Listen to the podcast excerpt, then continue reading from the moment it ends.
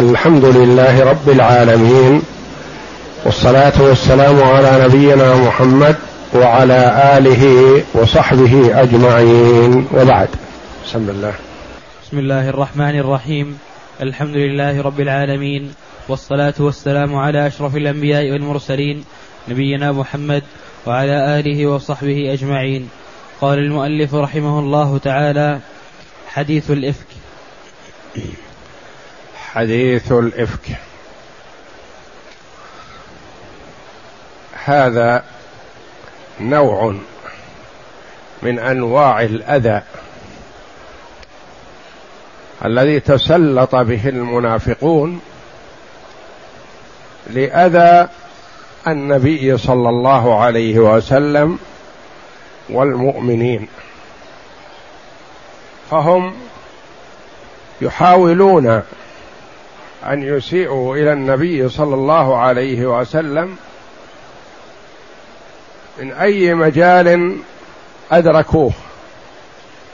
كما يحاولون الإساءة إلى المؤمنين. فهم يحاولون أن يفرقوا بين النبي صلى الله عليه وسلم وأهله. ويؤذوه في بيته عليه الصلاة والسلام. كما أنهم حاولوا قبل هذا تفريق المسلمين وإثارة النعرات الجاهلية بينهم ليتفرقوا وليدخل بينهم الشيطان بإيجاد الخلافات والنعرات والعصبيات الجاهلية. فهم لما رأوا أن السلاح المادي بالحرب غير مفيد لأن الله جل وعلا ناصر عبده ورسوله محمدا صلى الله عليه وسلم والمؤمنين. لما رأوا هذا حاولوا إيذاء النبي صلى الله عليه وسلم والمؤمنين بالخفاء. مع الظهور أنهم كأنهم مع المؤمنين ومع المسلمين.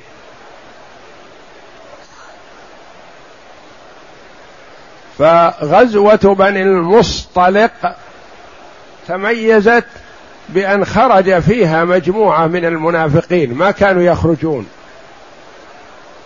خرجوا فيها فكان خروجهم شر على أنفسهم وفضيحة لهم افتضحوا.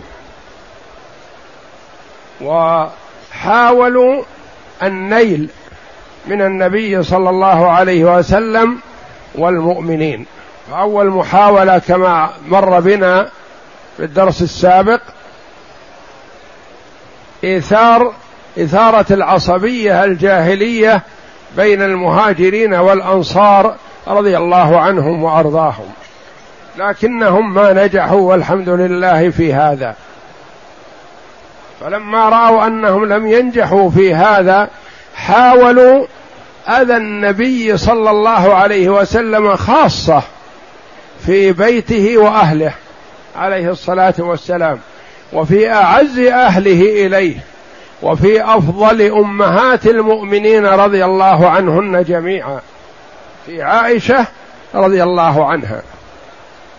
يقول المؤلف رحمه الله ثانيا يعني من المؤامرات والأعمال السيئة التي عملها المنافقون في هذه الغزوة حديث الإفك. حديث الإفك. الإفك هو الكذب وهو أسوأ أنواع الكذب. هو الافتراء. فسماه النبي الله جل وعلا في كتابه إفك. لأنه افتراء وكذب. ويعرف ذلك كل عاقل من الله عليه بالتوفيق والإيمان بالله ورسوله إنه ما يمكن أن يحصل مثل هذا ابدا.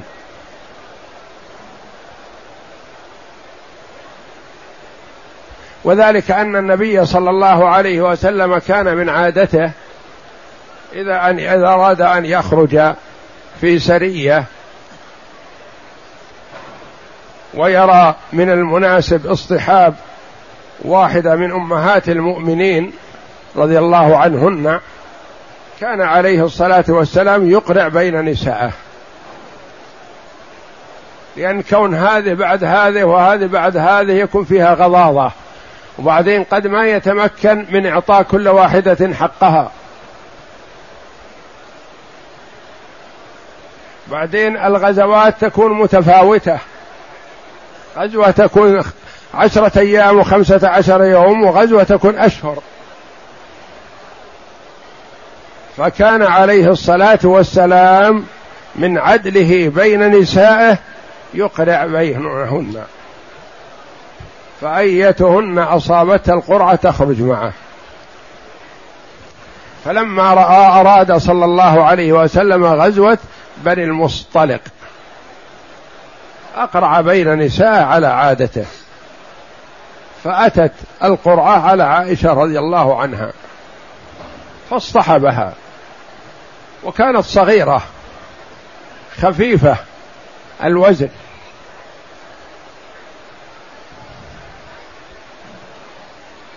فاصطحبها صلى الله عليه وسلم وكان لعائشة رضي الله عنها هودج. عند الركوب تدخل في هذا الهودج الذي هو بمثابة كحجرة صغيرة. تدخل فيه ولا تركب أمام الناس على البعير أو على تركب في الهودج على البعير وهو واقف. كانت تدخل في الهودج هذا ثم يأتي مجموعة من الصحابة رضي الله عنهم ويحملون هذا الهودج ويركبونه على البعير. فما تظهر لأحد رضي الله عنها. فنزل النبي صلى الله عليه وسلم منزلا على عادته ثم من عادتهم أن يعلموا وقت رحيل النبي صلى الله عليه وسلم فتهيأ فيتهيئون لما يريدون. فلما قرب وقت رحيل النبي صلى الله عليه وسلم ذهبت رضي الله عنها تقضي حاجتها. فقضت حاجتها وعادت. وكان من عادتهم البعد عند قضاء الحاجة حتى يكون الستر ولا يرى المرء وهو يقضي حاجته ذكرا كان أو أنثى. فقضت حاجتها وعادت. لتجلس في الهودج حتى يأتي الرجال يحملونه. فلمست عقدا لها كان عليها استعارته من أختها فلم تجده. والعقد ليس لها وإنما عارية. فتأتي لأختها وتقول ضيعت عقدك. ذهبت رضي الله عنها مسرعة إلى المكان الذي قضت فيه حاجتها لتبحث عن العقد. فتلفتت له حول مكانها فوجدته. فعادت وكان المنزل بعيد. فجاء الرجال وحملوا الهودج واركبوا على البعير. يظنون أنها فيه على العادة أن العادة أن النبي إذا أذن بالرحيل استعد من معه. فكانت العادة أنها تجلس في الهودج فيأتي الرجال وليس واحد أو اثنين أو ثلاثة مجموعة حتى ما يشق عليهم. وحملوا الهودج يظنون أن عائشة فيه وعائشة صغيرة وخفيفة الوزن رضي الله عنها كان في أول أمرها خفيفة. ولهذا سابقت النبي صلى الله عليه وسلم في في أول الأمر فسبقته. فلما أخذت اللحم وسمنت سابقها عليه الصلاة والسلام فسبقها. فقال لها هذه بتلك عليه الصلاة والسلام من حسن لطافته مع أهله. كان يدخل السرور عليهم والأنس عليه الصلاة والسلام مع كل أحد مع الرجال والنساء والأطفال. مثل قوله عليه الصلاة والسلام ما فعل النغير يا أبا عمير. يسأل طفلا صغيرا كان أمس معه طير صغير فمر به اليوم فإذا النغير ما هو موجود الطير ما ليس معه. فقال عليه الصلاة والسلام ما فعل النغير يا أبا عمير؟ وين طيرك هذا؟ الذي استنتج منه الإمام الشافعي رحمه الله من هذا الحديث مئة فائدة.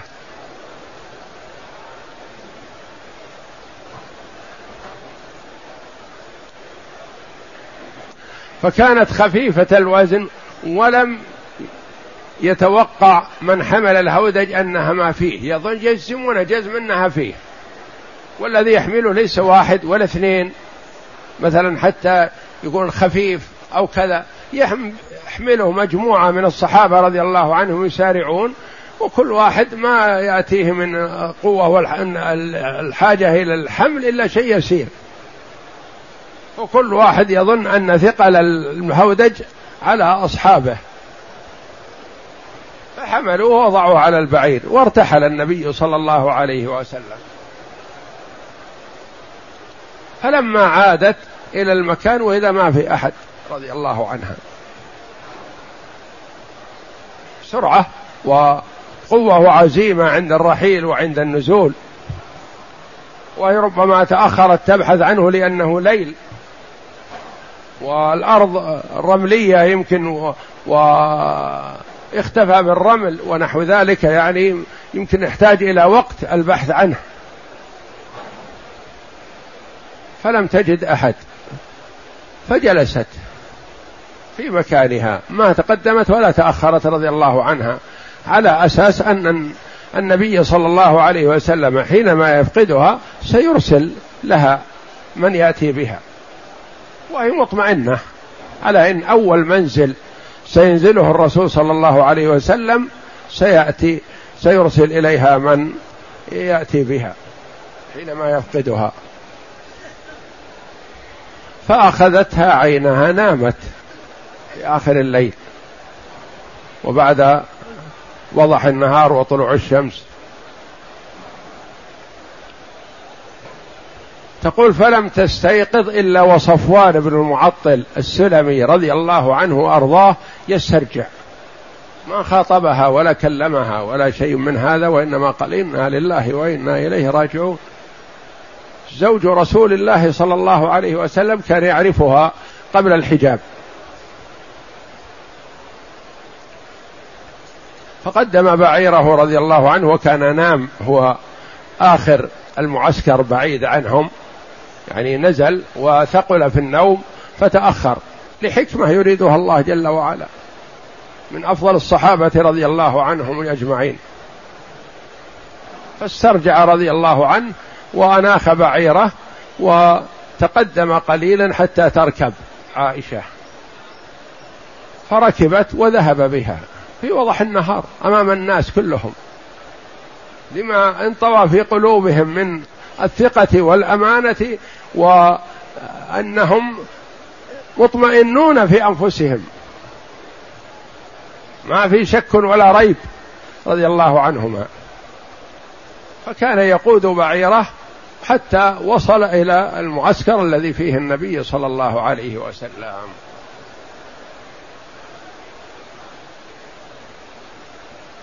هذا واضح جلي أنه لا ريبة فيه ولا مرية. فكيف مع الريبة يأتي بها وضح النهار يسوقها في بعيره؟ فنزلها رضي الله عنه. المنافقون علموا عن هذا فاستغلوها فرصة. يتهمون عائشة رضي الله عنها بما برأها الله جل وعلا منه. اتهموها بشيء ليست له بأهل. ولا بيتها بيت يمكن أن يقع فيه مثل هذا. وحرم رسول الله صلى الله عليه وسلم. والله جل وعلا يطهر فراش رسوله صلى الله عليه وسلم من كل دنس.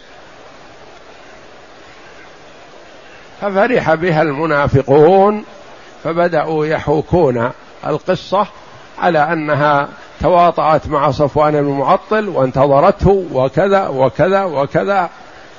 كما قالوا من الافتراء والكذب. وكان الذي تولى كبره هو عبد الله بن أبي بن سلول رأس المنافقين.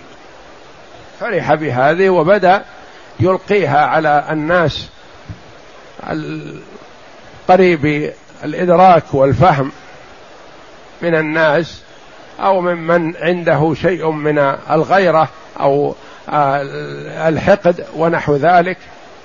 فبدأ يلقيها عليهم وهم يشيعونها في المجتمع. إن عائشة فعلت وفعلت رضي الله عنها وأرضاها. فانتشر الكلام في المدينة بعد وصول النبي صلى الله عليه وسلم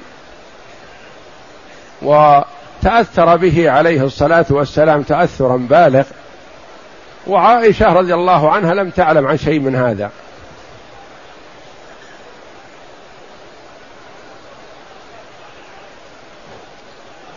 ولما قدمت رضي الله عنها من هذه الغزوة تأثرت مريضة مرضت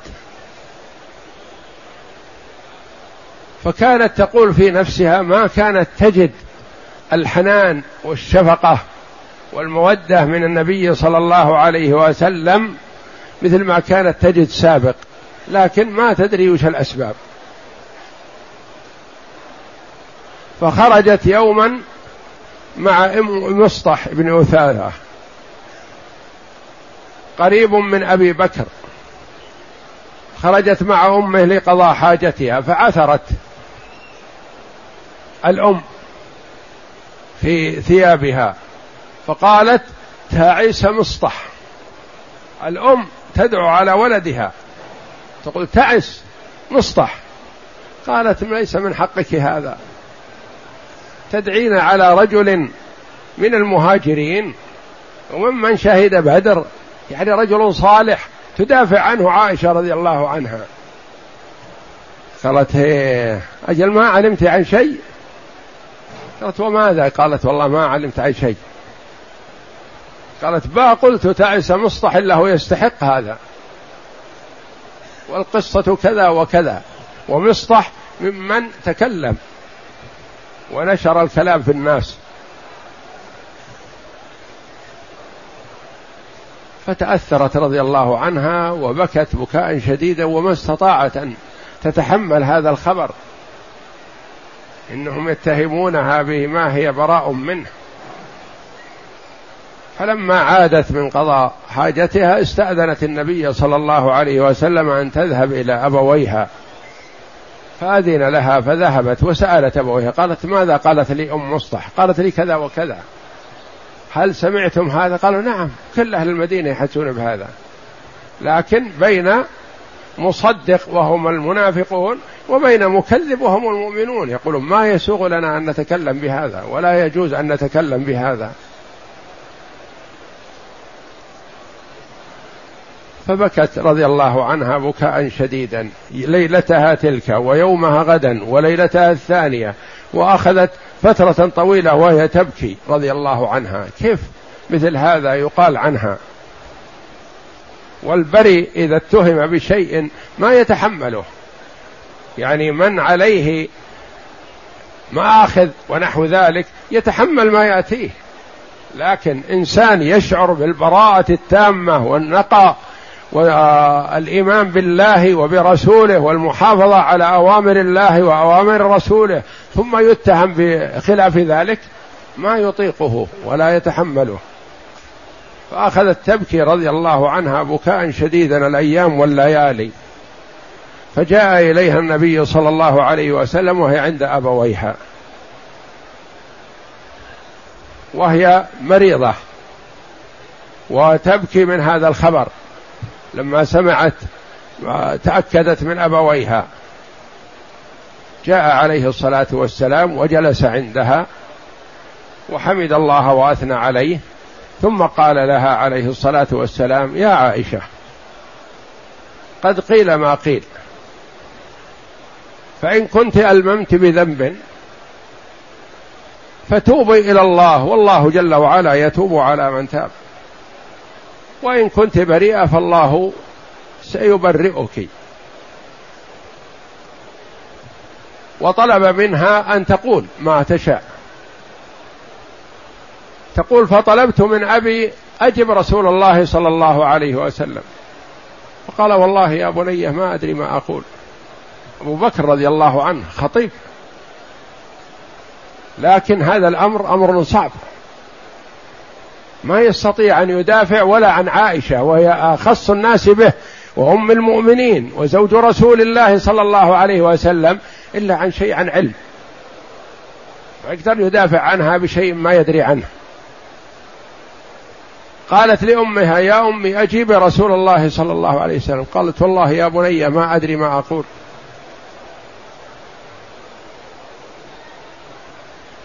الأمر صعب. ما أستطيع ما أحط بشيء ولا أدري. تقول فاست... فقعدت وذهب بكائي وحزني كله وقلت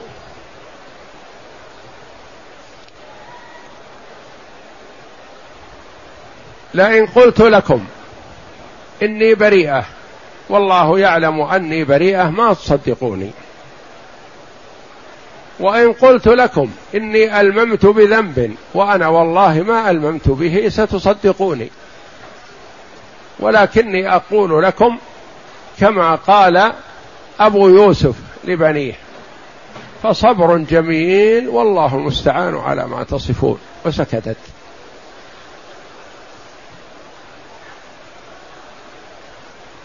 تقول نسيت اسم يعقوب من صعوبة الموقف.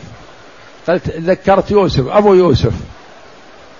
تريد يعقوب عليه السلام لما قال لبنيه لما أخبروه بأن يوسف أكله الذئب. وقعدت. تقول فأخذ النبي صلى الله عليه وسلم ما يأخذه عند الوحي. ثم لما سري عنه قال أبشري يا عائشة الله قد برأك. فسر عن القوم كلهم وفرحوا بذلك فرحا شديدا وقالت أمها يا عائشة قومي إلى رسول الله وقبل رأسه. قالت والله لا أقوم ولا أحمد إلا الله. رضي الله عنها. يقول هذا الفضل من الله ما هو من الرسول. الرسول قبل هجرني فترة طويلة توقع وخشية أن يكون هذا الكلام صدق.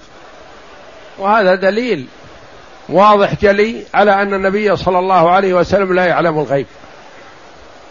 ولا يطلع على حقائق الأمور إلا ما أطلعه الله جل وعلا عليه. وإلا فالمنافقون يحوكون الإفك في أهله صلى الله عليه وسلم ويهم هذا. ويسيئه ولا يستطيع أن ينفيه أو يثبته عليه الصلاة والسلام. حتى إنه أخذ يستشير بعض الصحابة رضي الله عنهم. ما رأيكم في الموضوع؟ واستشار الصحابة عموما في موضوع الذين خاضوا في الإفك وتكلم في الإفك عبد الله بن أبي.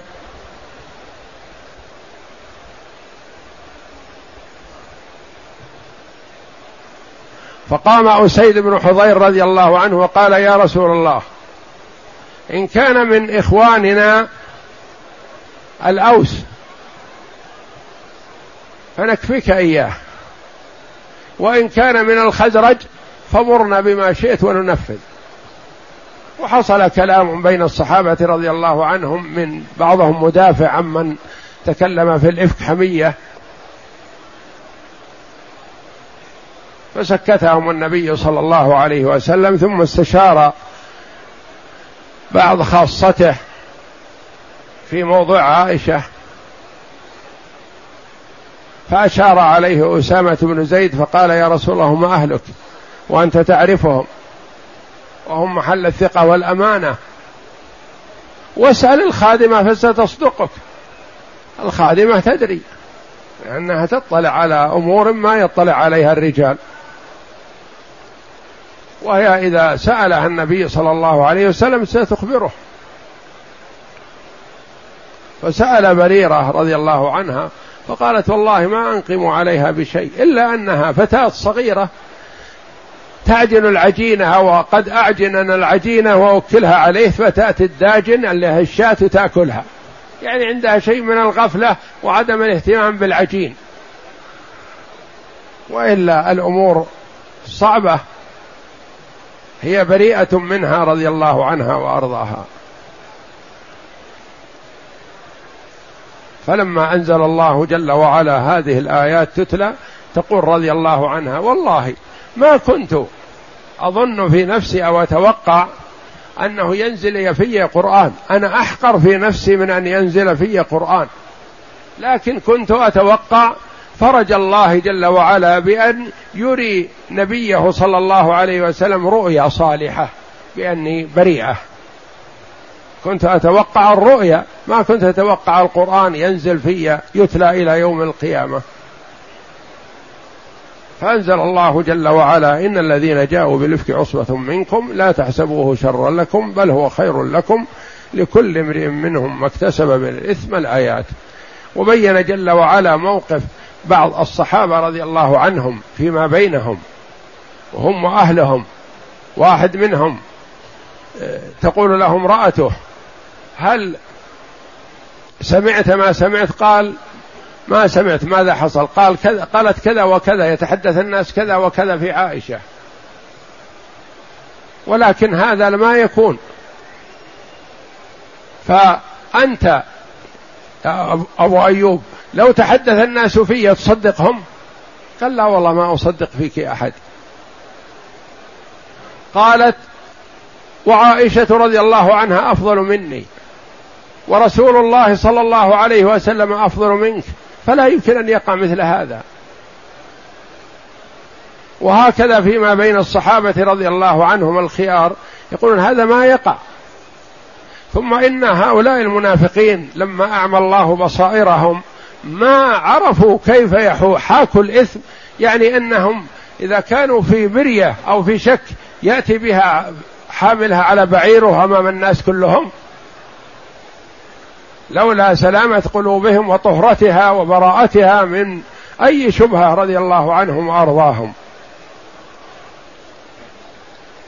ثم إن الله جل وعلا طهر فراش رسوله صلى الله عليه وسلم وبرأ عائشة من فوق سبع سماوات بقرآن يتلى إلى يوم القيامة دليل على فضلها. فخاب وخسر من تناول عائشة رضي الله عنها أم المؤمنين. ومن تناولها فإنما أساء إلى نفسه وإلا فهي حصان رزان بريئة من كل عيب رضي الله عنها وأرضاها. وهي أم المؤمنين وهو يسب نفسه ويضر نفسه. وإلا فإنه لا يضيرها ما يقوله الآثمون فيها رضي الله عنها وأرضاها. فانجلت هذه الغمة بقرآن أنزله الله جل وعلا على رسوله صلى الله عليه وسلم. حديث الإفك. نعم اقرأ.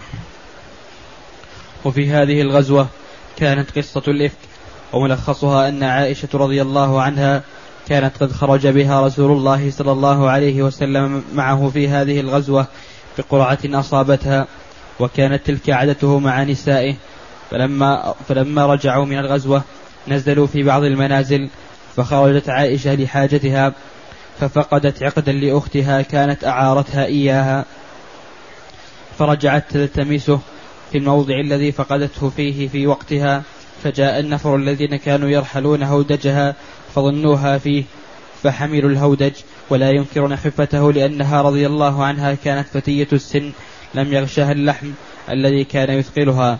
وأيضا فإن النفر لما تساعدوا على حمل الهودج لم ينكروا خفته ولو كان الذي حمله واحد أو اثنين لم يخف عليهم الحمل لم يخفى, لم يخفى عليهم الحال. يعني لو كان واحد اللي يحمله يعرف الوزن الذي فيه. أو اثنين مثلا يتشايلون لكن مجموعة رضي الله عنهم ما يميز ثقل من خف خفة. نعم. مثل الجنازة مثلا إذا حملها أربعة شعروا بأنها خفيفة أو ثقيلة. لكن إذا تكاثر من يحملها ما يميز واحد خفتها من ثقلها لأن الأيدي الحاملة كثيرة. فرجعت عائشة إلى منازلهم وقد أصابت العقد فإذا ليس به داع داع ولا مجيب. فقعدت في المنزل وظنت أنهم سيفقدونها فيرجعون في طلبها. والله غالب على أمره. يدبر الأمر. الله في ذلك حكمة. نعم. يدبر الأمر فوق عرشه كما يشاء فغلبتها عيناها فنامت. فلم تستيقظ إلا بقول صفوان بن المعطل إنا لله وإنا إليه راجعون. زوجة رسول الله صلى الله عليه وسلم وكان صفوان قد عرس في أخريات عرس, عرس في أخريات قد عرس الجيش. في أخريات الجيش يعني نام نام في آخر الجيش وكان ثقيل النوم على ما قيل فلم يستيقظ إلا متأخر وإذا الجيش قد ذهب فجاء إلى المكان الذي فيه عائشة لأنه كان كثير النوم فلما رآها عرفها وكان يراها قبل نزول الحجاب فاسترجع وأناخ راحلته فقربها إليها فركبتها وما كلمها كلمة واحدة ولم تسمع منه إلا استرجاعه ثم سار بها يقودها حتى قدم بها وقد نزل الجيش في نحر الظهيرة فلما رأى ذلك الناس تكلم كل منهم ما يليق به ووجد الخبيث عدو الله بن أبي متنفسا. يعني تكلم الكثير من الناس الأخيار والأشرار لكن الأخيار يتكلمون بأن هذا شيء كذب وزور وإفك وافتراء والأشرار يصوغونه ويرتبونه على أنه الواقع والحقيقة. كل يتكلم على قدر ما فيه من الإيمان أو النفاق والعياذ بالله. نعم. فتنفس من كرب النفاق والحسد الذي بين ضلوعه فجعل يستحكي الإفك ويستوشيه. ويشيعه ويذيعه ويجمعه ويفرقه وكان أصحابه يتقربون به إليه. فلما قدموا المدينة أفاض أهل الإفك في الحديث ورسول الله صلى الله عليه وسلم ساكت لا يتكلم. ثم استشار أصحابه لما استلبث الوحي طويلا. يعني تأخر الوحي. نعم. في فراقها فأشار عليه علي رضي الله عنه أن يفارقها ويأخذ عيرها تلويحا لا تصريحا. وأشار يعني عليه. قال له النبي قال له علي رضي الله عنه على ما قيل النساء كثير يا رسول الله وبإمكانك أن تتزوج وكذا وكذا. ما قال له طلقها أو فارقها على ما قيل وإنما قال له لست مضطر إلى هذه مثلا. النساء كثير وبإمكانك أن تتزوج ويعوضك الله خير ونحو ذلك. وأشار عليه أسامة وغيره بإمساكها وأن لا يلتفت إلى كلام الأعداء فقام على المنبر يستعيذ من عبد الله بن أبي فأظهر أسيد بن حضير سيد الأوس رغبته في قتله فأخذت سعد بن عبادة سيد الخزرج وهو وهي قبيلة بن ابن أبي الحمية القبلية فجرى بينهما كلام تثاور له الحيان فخفضهم خفضهم رسول الله صلى الله عليه وسلم حتى سكتوا وسكت. أما عائشة فلما رجعت مرضت شهرا وهي لا تعلم عن حديث الإفك شيئا سوى أنها كانت لا تعرف من رسول الله صلى الله عليه وسلم اللطف الذي كانت تعرفه حين تشتكي. فلما نقهت وخرجت مع أم مصطح إلى البراز ليلى فعثرت أم مصطح في مرطها فدعت على ابنها فاستنكرت ذلك عائشة منها فأخبرتها الخبر فرجعت عائشة واستأذنت رسول الله صلى الله عليه وسلم لتأتي أبويها وتستيقن الخبر ثم أتتهما بعد الإذن حتى عرفت عرفت جلية الأمر فجعلت تبكي فبكت ليلتين ويوما لم تكن تكتحل بنوم ولا يرقأ لها دمع حتى ظنت أن البكاء فاتق كبدها.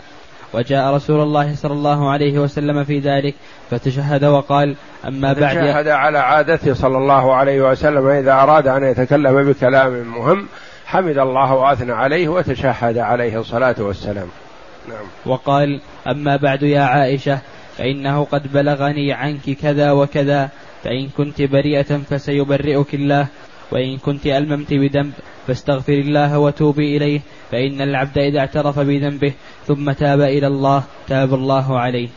وحينئذ قلص دمعها وقال قلص دمعها يعني وصلت المسألة إلى إلى على منتهاها. ما ما حتى البكاء ما تستطيع أن تبكي. ما دام الرسول قال لها هذا القول إنه قد بلغني عنك كذا وكذا فأخبري عن نفسك. وقالت لكل من أبويها أن يجيبا فلم يدريا ما يقولان. فقالت قالت لأبيها أولا يا أبي أجب رسول الله. قال والله يا بني ما أدري ما أقول. ما أستطيع أقول شيء. رضي الله عنهم ورعهم وعدم مدافعتهم عن عائشة رضي الله عنها إلا بشيء يقين. وهذا ما يعلمه إلا الله سبحانه وتعالى. نعم. فقالت والله لقد علمت لقد سمعتم بها لقد سمعتم هذا الحديث حتى استقر في أنفسكم وصدقتم به. فلئن قلت لكم إني بريئة والله يعلم أني بريئة لا تصدقوني بذلك. ولئن اعترفت لكم بأمر والله يعلم إني منه بريئة لتصدقني بذلك. والله ما أجد لي ولكم مثلا إلا قول أبي يوسف قال فصبر جميل والله المستعان على ما تصفون. ثم تحولت واضطجعت ونزل الوحي ساعته فسري فسري عن رسول الله صلى الله عليه وسلم وهو يضحك. فرحا وسرورا عليه الصلاة والسلام بهذا الخبر السار الذي هو براءة عائشة رضي الله عنها وأرضاها. فكانت أول كلمة تكلم بها يا عائشة أما الله فقد برأك. فقالت لها أمها قومي إليه. فقالت لها عائشة إذلالا ببراءة ساحتها وثقة بمحبة رسول الله صلى الله عليه وسلم والله لا أقوم إليه ولا أحمد إلا الله. والذي نزل والذي أنزله الله بها بشأن الإفك هو قوله تعالى إن الذين جاءوا بالإفك عصبة منكم العشر الآيات. وجلد من أهل الإفك مصطح بن أثاثة وحسان بن ثابت وحمنة بنت جحش. جاء أن النبي صلى الله عليه وسلم جلد هؤلاء الثلاثة. جلد رجلين وامرأة. مصطح هذا الذي قالت أمه تعس مصطح. فدافعت عنه عائشة رضي الله عنها. والثاني حسان بن ثابت رضي الله عنه. وكانت آه، تذكره بالخير عائشة رضي الله عنها. وحمنة بنت جحش. أخت زينب بنت جحش. تقول أما زينب فحماها الله زينب التي هي ضرتها. وأما حمنة فهي الذي باءت بالإثم غيرة و آه، مع جارتها. لكن الجارة نفسها الضرة لعائشة ما تكلمت لأنها أم المؤمنين رضي الله عنها وحمت نفسها من الإثم. لكن أختها وقعت في هذا. فجلد النبي صلى الله عليه وسلم هؤلاء الثلاثة. وهذا حد القذف. وحد القذف ثابت في الكتاب والسنة وإجماع المسلمين. يعني أن من رمى شخصا بالزنا فيوقف. فيقال له أثبت. فإن أثبت ما رماه فيه بأربعة شهود وإلا فيقام عليه حد القذف ثمانين جلدة.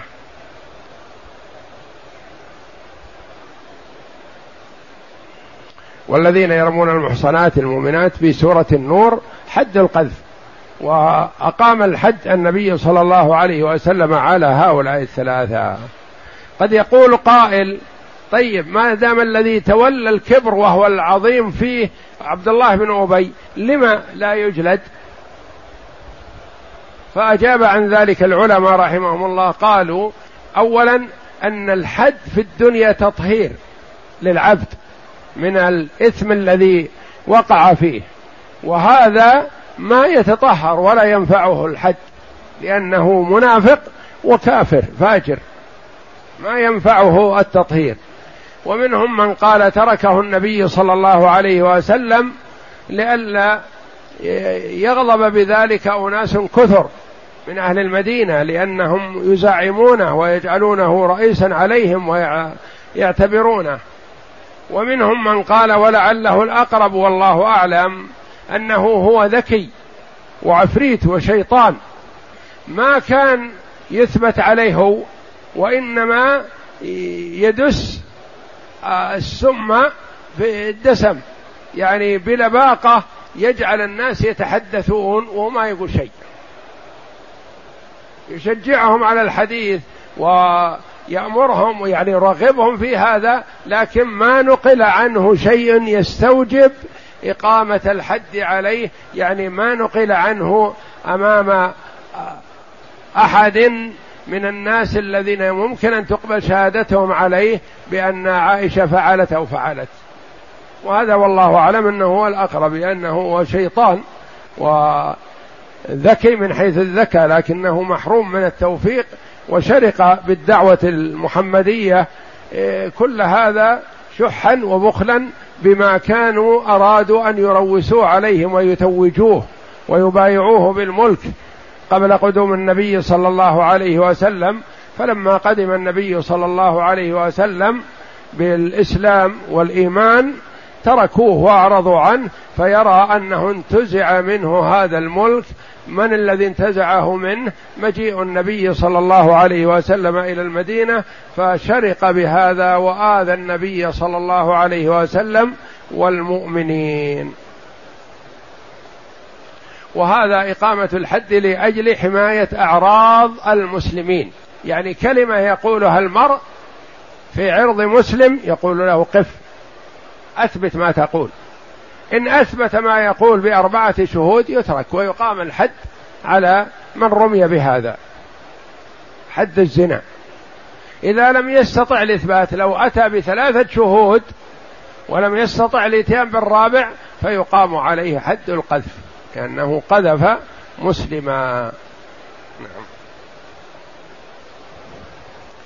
جلدوا ثمانين ولم يحد الخبيث عبد الله بن أبي مع أنه رأس أهل الإفك والذي تولى كبره.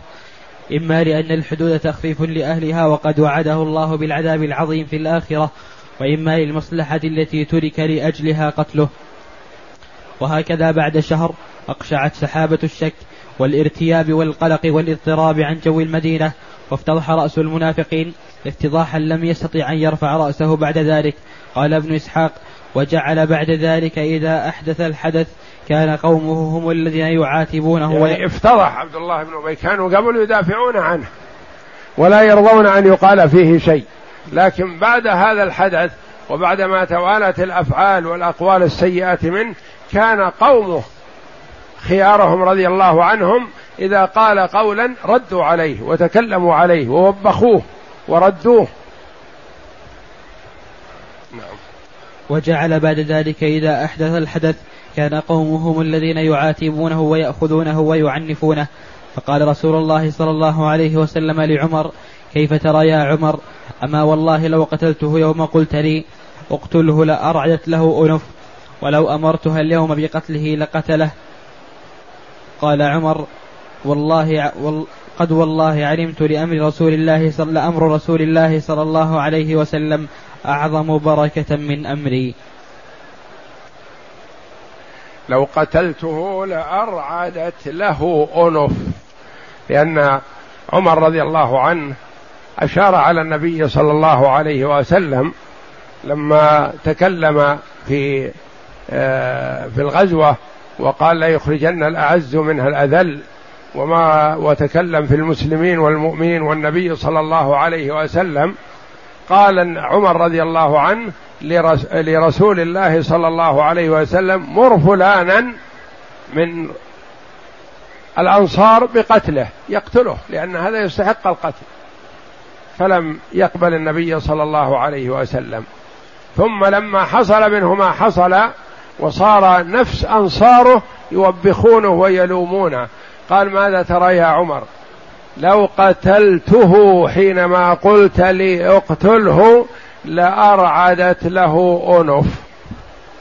يعني تأثر له ناس وربما ارتد أناس عن الإسلام وربما شاع شائعة سيئة ولكن تركته. الآن من يغضب له في ذلك الوقت لو أمرته الآن بقتله لقتله لأنه اتضح لهم أمره. ومن ذلك ابنه رضي الله عنه. ابنه الرجل الصالح عبد الله بن عبد الله بن أبي. جاء إلى النبي صلى الله عليه وسلم فقال يا رسول الله أتحب أن أقتل ابي والله إن كنت تحب ذلك لأتينك برأسه. قال وتحب ذلك؟ قال والله يا رسول الله قد علمت الخزرج ما فيها أحد أبر بأبيه مني بأبي. لكني خشيت أن تأمر أحد الصحابة بقتله فيقتله. فلا تهدأ نفسي ولا تقر عيني أن أرى قاتل عبد الله يمشي على الأرض فأقتله. فأكون قتلت مسلما بكافر فأدخل النار. لكن إن أمرتني بقتل قتلته لأمر الله ورسوله. وكذلك سعد بن عبادة رضي الله عنه الذي تكلم على أسيد بن حضير لما قال إن كان من إخواننا الخزرج وهو يعرف أنه من الخزرج فمرنا بما شئت. فتأثر سعد بن عبادة رضي الله عنه وكان من الصالحين ومن الخيار لكنه أخذته الحمية على رجل آه، قبيلته وجماعته فدافع عنه. ثم بعد هذا لما اتضح أمره صار من يدافع عنه يعنفه ويوبخه ويلومه إذا أحدث الحدث وأساء. فالله جل وعلا أعلم وأحكم ورسوله صلى الله عليه وسلم لا ينطق عن الهوى إن هو إلا وحي يوحى وهو يربي الأمة عليه الصلاة والسلام بما فيه صلاح دينهم ودنياهم صلوات الله وسلامه عليه. والله أعلم وصلى الله وسلم وبارك على عبد ورسول نبينا محمد وعلى آله وصحبه أجمعين.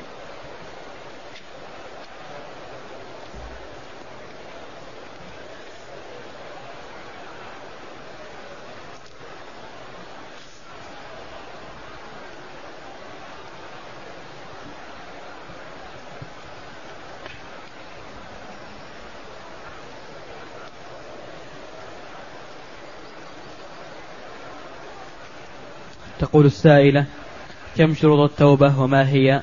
وهل تختلف المذاهب في شروط التوبة؟ شروط التوبة الإقلاع عن الذنب. إذا كان الإنسان مثلا يقع في المحرمات أو يترك الواجبات فيبتعد عن المحرمات ويحافظ على الواجبات. إذا كان ضعيف في الصلاة لا يواظب عليها فيترك هذا ويواظب على صلاته. إذا كان واقع في الخمر واقع في الغيبة أو النميمة واقع في محرم من المحرمات فيقلع عن هذا. واقع في السرقة يقلع عن هذا. الإقلاع عن الذنب. والعزم على أن لا يعود.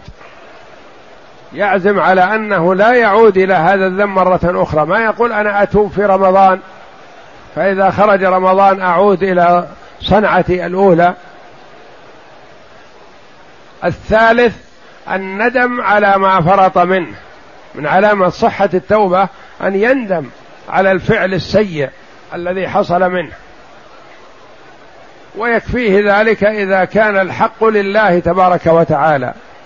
أما إذا كان الحق لآدمي فلا بد من استحلاله أو رد الحق إليه أو الدعاء له حتى يرى أنه رد إليه حقه.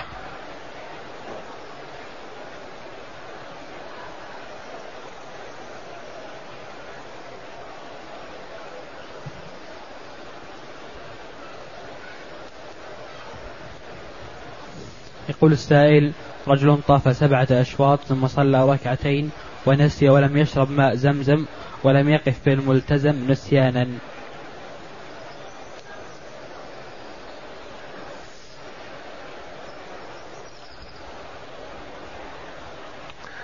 العمرة الطواف بالبيت وهو ركن من أركانها. والسعي بين الصفا والمروة وهو ركن من أركانها. والثالث الأول وهو نية الدخول في النسك. هذه أركان العمرة. والتجرد من المخيط واجب. وأما شرب زمزم أو الوقوف بالملتزم فهذه من المستحبات وشرب زمزم من المستحبات للمعتمر وغيره والوقوف بالملتزم يحسن إذا لم يكن فيه زحام شديد فيقف عند القدوم وعند السفر ما له ارتباط بالعمرة. فالعمرة إذا أحرم بنية الدخول في النسك وتجرد من المخيط وعقد النية من الميقات الذي يمر به وطاف وسعى وحلق الرجل أو قصر وقصرت المرأة. فالحلق أو التقصير للرجل والتقصير للمرأة واجب من واجبات العمرة. بهذا تتم العمرة والحمد لله.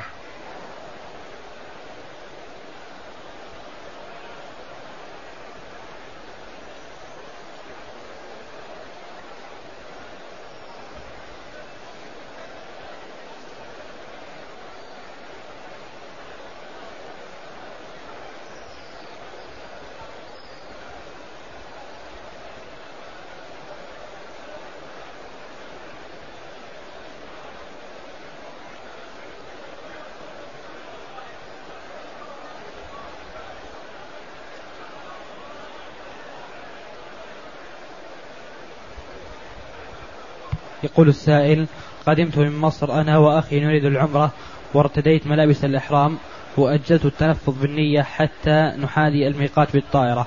وحدث أن, تحد أن تعطلت الطائرة قبل الإقلاع وحولنا إلى فندق حتى يتم الإصلاح.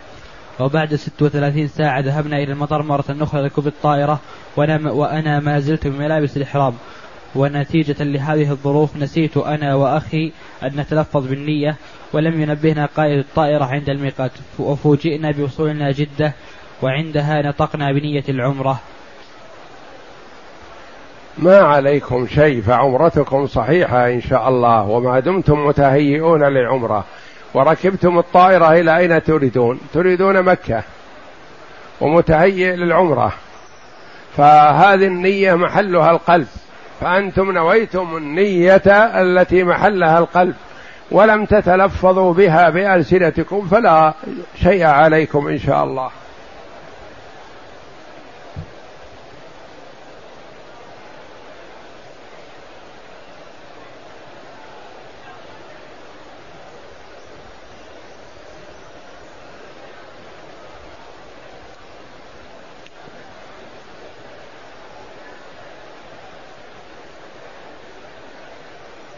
يقول السائل أنا من مصر وقد أتيت إلى مكة دون إحرام يوم الأربعاء الرابع من رمضان.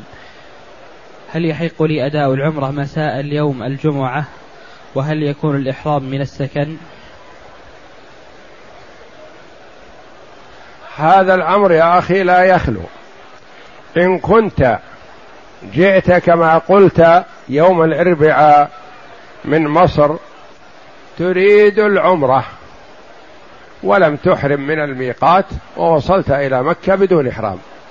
فنقول لك يجب عليك أن تعود إلى الميقات الذي مررت به وتحرم منه ولا شيء عليك. ما دمت لم تحرم بعد تعود إلى الميقات اليوم أو غدا أو متى ما شئت. الميقات الذي مررت به وتحرم منه. وقبل العودة بإمكانك باستمرار أن تطوف بالبيت بغير نسك. الطواف بالبيت يسوق في كل وقت. أما إن كنت أتيت لغير العمرة أتيت لعمل لحاجة من الحاجات أي حاجة غير العمرة. فمتى ما رغبت في العمرة تخرج إلى الحل وتحرم من الحل ولا شيء عليك. هناك فرق بين مجيئك بقصد العمرة ومجيئك بغير قصد العمرة. مجيئك بقصد العمرة يجب أن تعود إلى الميقات الذي مررت به وتحرم منه. فإن لم تعد وأحرمت من الحل علما أنه لا يجوز لك أن تحرم من البيت من داخل مكة. فإن أحرمت من الحل ولم تعد إلى الميقات وقد أتيت بنية العمرة فيكون عليك هدي لأنك تركت واجب من واجبات هذا النسك وهو الإحرام من الميقات المعتبر لك. فإن لم تستطع الهدي فتصوم عشرة أيام بعد رمضان. أما إن كنت أتيت لغير العمرة وأردت الآن أن تعتمر فنقول تخرج إلى الحل وتحرم منه وتؤدي العمرة الطواف والسعي والحلق أو التقصير للرجال والتقصير للنساء.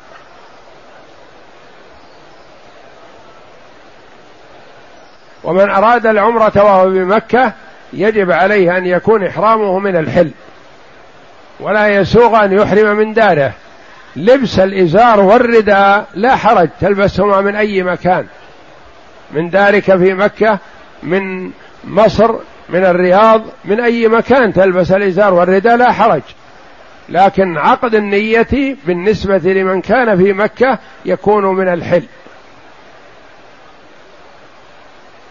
فلا تحرم من دارك يعني لا تعقد النية من دارك في مكة وإنما تعقد النية في الحل أو من الميقات.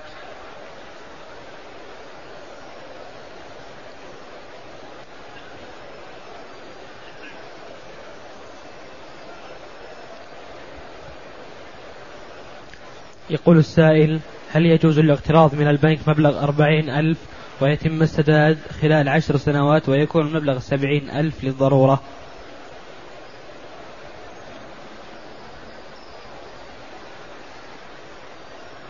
هذا ربا الجاهلية هذا الربا المحرم بالكتاب والسنة وإجماع علماء المسلمين الذين يعتد بقولهم. وليس هناك ضرورة إلى الربا لأن الضرورة تبيح للمسلم أكل الميتة إذا خشي الموت.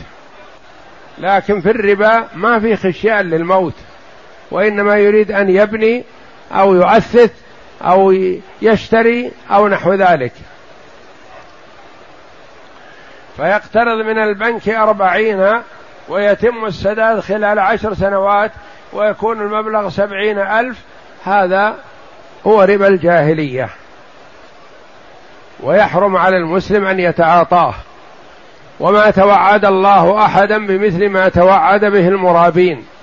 في قوله تعالى الذين يأكلون الربا لا يقومون إلا كما يقوم الذي يتخبطه الشيطان من المس. ذلك بأنهم قالوا إنما البيع مثل الربا وأحل الله البيع وحرم الربا. فمن جاءه موعظة من ربه فانتهى فله ما سلف وأمره إلى الله. ومن عاد فأولئك أصحاب النار هم فيها خالدون. الأمر شديد. والربا محاربة لله ولرسوله. والربا كبيرة من كبائر الذنوب. ويخشى على المرء منه أن يجره إلى سوء الخاتمة فيموت كافرا والعياذ بالله. الواجب على المسلم الحذر وإن كان قد وقع فيه فالواجب عليه التوبة والندم على ما فرط منه والعزم على أن لا يعود ورد الحق إلى صاحبه والإقلاع عن هذا الفعل المشين.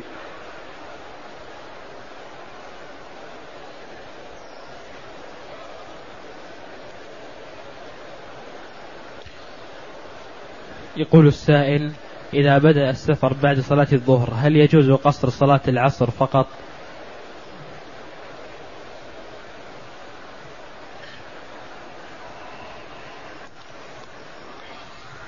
القصر ليس بينه وبين الجمع تلازم. قد يقصر صلاة واحدة ولا يجمع. فمثلا صلى الظهر في البلد. وأتمها ثم خرج مسافر فيصلي العصر ركعتين. خرج قبل صلاة الظهر وقبل الأذان فيجمع الظهر والعصر ركعتين وركعتين.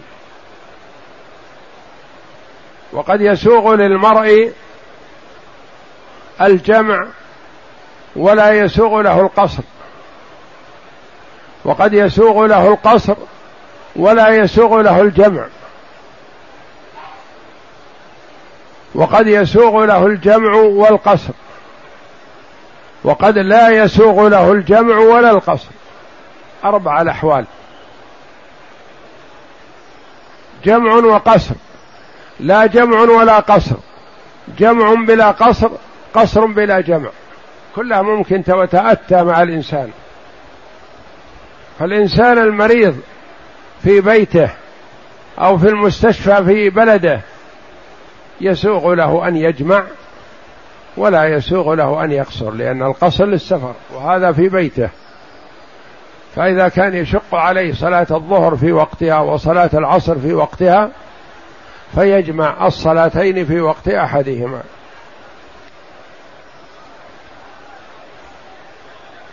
فيجمع ولا يقصر. يسوغ له القصر ولا يحسن منه الجمع.